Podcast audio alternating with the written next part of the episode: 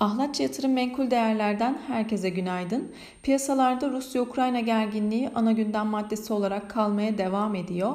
Yeni haftaya 14.10 seviyelerinden başlayan dolar TL'de kapanışın tekrardan 14'ün altında 13.83 seviyelerinden gerçekleştiğini söyleyebiliriz. Dün içeride büyüme rakamları açıklanmıştı. TÜİK'e göre Türkiye ekonomisi 2021 yılında bir önceki yıla göre %11 büyüme kaydetti.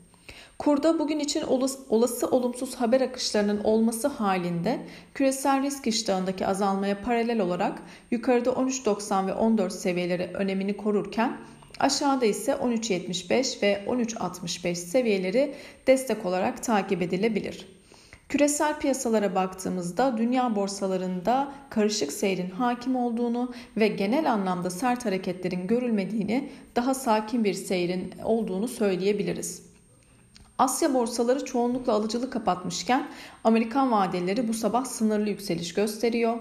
Genel anlamda risk iştahının bir miktar toparlandığını söylemek mümkün. ABD 10 yıllıkları dünkü sert yükselişin ardından bugün toparlanmaya başlayarak %1,86 seviyesini gördü. Ons altın ise 1906 dolar seviyelerinden işlem görürken Brent petrol Rusya'dan petrol sevkiyatındaki e, sorunlar çıkabileceğine dair endişelerle yükselişine devam ediyor. Brent petrolde %1 artarak 99 dolar seviyelerinden işlem görüyor.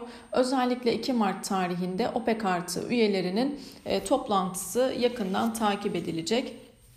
Yurt içi gelişmelere baktığımızda dün güne %2'ye yakın değer kaybıyla başlayan endekste sınırlı düşüş e, hareketiyle 1946 seviyelerinden kapattığını gördük.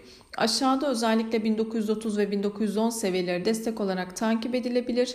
Yükseliş hareketinin kalıcı olması için ise yukarıda 1956 seviyelerinin üzerinde günlük kapanışlar gerçekleştirmesi gerekmekte.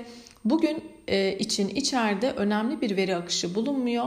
E, yurt dışında ABD, İngiltere ve Euro bölgesi PMI rakamları takip edilecek ve aynı zamanda Almanya'da enflasyon verisi açıklanacak. Herkese bol kazançlı güzel bir gün dilerim.